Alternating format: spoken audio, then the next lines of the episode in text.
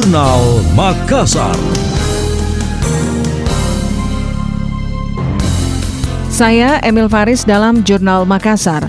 Epidemiolog Universitas Hasanuddin Profesor Ridwan Amiruddin mewanti-wanti agar COVID-19 varian Omikron yang terdeteksi di Kabupaten Takalar tidak akan memicu peningkatan kasus COVID-19 di Sulawesi Selatan. Ridwan menerangkan varian Omikron memiliki daya tular lebih tinggi dibanding varian lainnya. Di sisi lain, varian ini terus berkembang di daerah lain di Indonesia. Ridwan menjelaskan penyebaran cepat varian Omikron adalah hasil mutasi dari varian-varian sebelumnya seperti Alpha, Beta, dan sebagainya.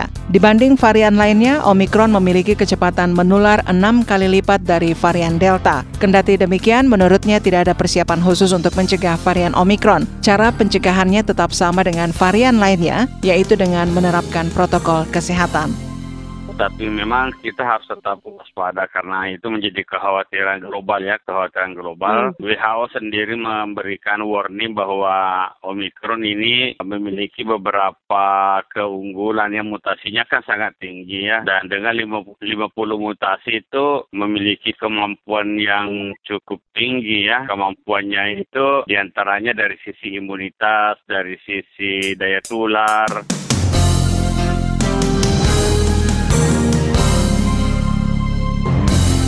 Sebelumnya Dinas Kesehatan Sulsel mengonfirmasi ditemukan kasus pertama COVID-19 varian Omikron. Kasus itu ditemukan pada seorang warga Kabupaten Takalar yang belum lama pulang dari tempatnya bekerja di Maluku. Pria tersebut terpapar varian Omikron usai menerima hasil pemeriksaan dari laboratorium Badan Penelitian dan Pengembangan Kesehatan di Jakarta. Hasil pemeriksaan diterima pada hari Kamis 20 Januari 2022. Anda masih mendengarkan Jurnal Makassar dari Radio Smart FM. Kasus stunting di Provinsi Sulawesi Selatan masih menjadi masalah besar. Kondisi kekerdilan akibat kurang gizi pada anak balita ini masih harus ditekan agar jumlahnya terus menurun. Kepala Bidang Kesehatan Masyarakat Dinas Kesehatan Sulsel Ande Nurseha mengatakan angka stunting di wilayahnya pada tahun 2021 lalu berada di angka 27 persen. Untuk itu Pemprov menargetkan bisa menekan angka stunting pada 2022 ini menjadi 21 persen. Hal ini disampaikan Nurseha dalam peringatan Hari Gizi Nasional nasional bertajuk Aksi Bersama Cegah Stunting dan Obesitas yang berlangsung di Dinas Kesehatan Provinsi Sulsel.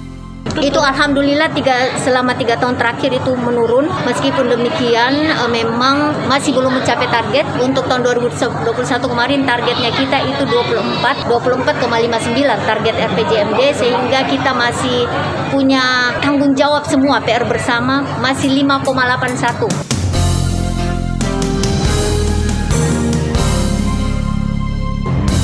Sementara Sekretaris Dinas Kesehatan Sulsel Bahtiar Basok menambahkan pihaknya akan berupaya semaksimal mungkin untuk menurunkan angka stunting, apalagi angka stunting di Sulsel hingga kini masih di atas nasional.